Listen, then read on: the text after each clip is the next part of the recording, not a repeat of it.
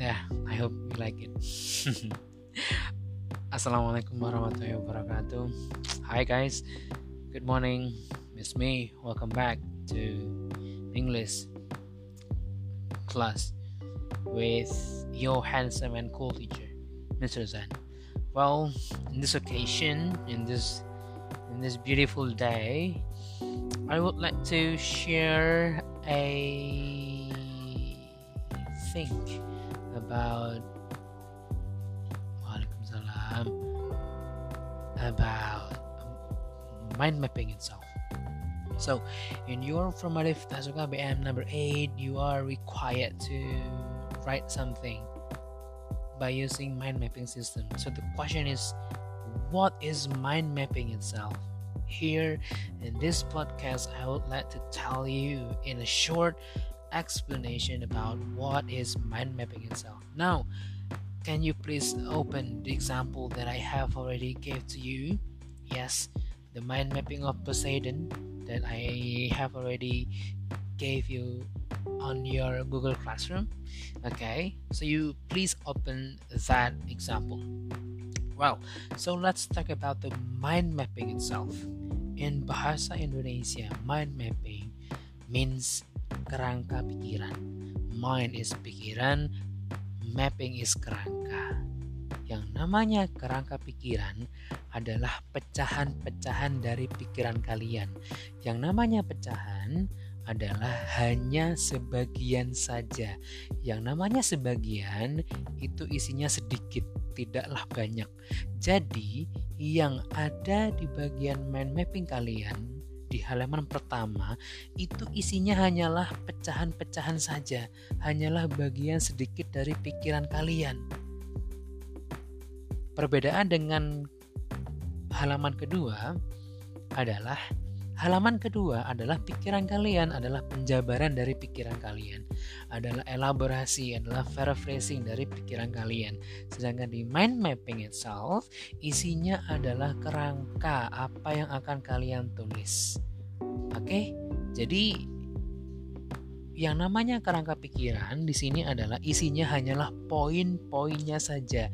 Poin-poin apa saja yang akan kalian tulis di halaman kedua. Nah, tujuannya mind mapping di sini adalah untuk memudahkan para pembaca untuk bisa menikmati tulisan kalian. Oh, di mind mappingnya itu si A akan menjelaskan tentang mitologi, etimologi, siapa dia, lalu Trisula sama mobilnya. Lalu di paragraf yang keduanya, lalu di halaman yang kedua di, di halaman keduanya itu dijelasin dari paragraf pertama who is he lalu dijelasin lagi mitologinya lalu etimologinya dan sebagainya. Jadi inilah yang dimaksud dengan mind mapping itself guys.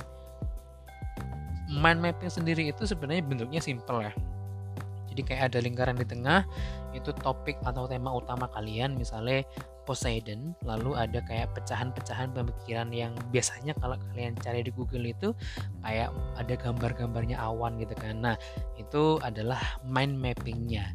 Jadi pecahan-pecahan apa poin-poin apa yang akan kalian jelasin di halaman kedua. Gitu guys. Nah di sini uh, banyak siswa itu yang saking kreatifnya dia mendesain mind mappingnya sebagus mungkin untuk membuat misalnya tidak bosan untuk membaca gitu guys. Ya dikasih kayak gambarnya Trisula gitu-gitu ya. Jadi misal isinya untuk yang mind mapping itu apa? Itu kembali ke kalian depends on you what topic that you are going to choose jadi beda topik ya beda mind mapping gitu kan. Beda orang juga pastinya beda mind mapping gitu. Jadi tidak ada patokan secara fix uh, poin-poin apa aja yang harus ada di sebuah mind mapping. Itu kembali kepada kalian. Jadi seperti itu guys. Jadi mind mapping itu sebenarnya sih lebih kepada kayak membuat mudah si pembaca maupun si penulis dalam mengembangkan tulisannya, dalam memahami apa yang sudah disajikan oleh penulisnya. Jadi seperti itu guys. Hope you learn something. Nah, jadi seperti itu ya. Oke. Okay. Thank you so much for uh, your listening. I hope that you can learn something. Uh, well, this is uh, just sharing. Uh, if you have your own uh, explanation about what mapping, mind mapping is, you may use your own uh, knowledge. Okay, so because life is sharing, and sharing is caring. Thank you so much. Uh, have a nice day. Good morning. Wassalamualaikum warahmatullahi wabarakatuh. Da-da-da-da. Da-da-da-da. Haha.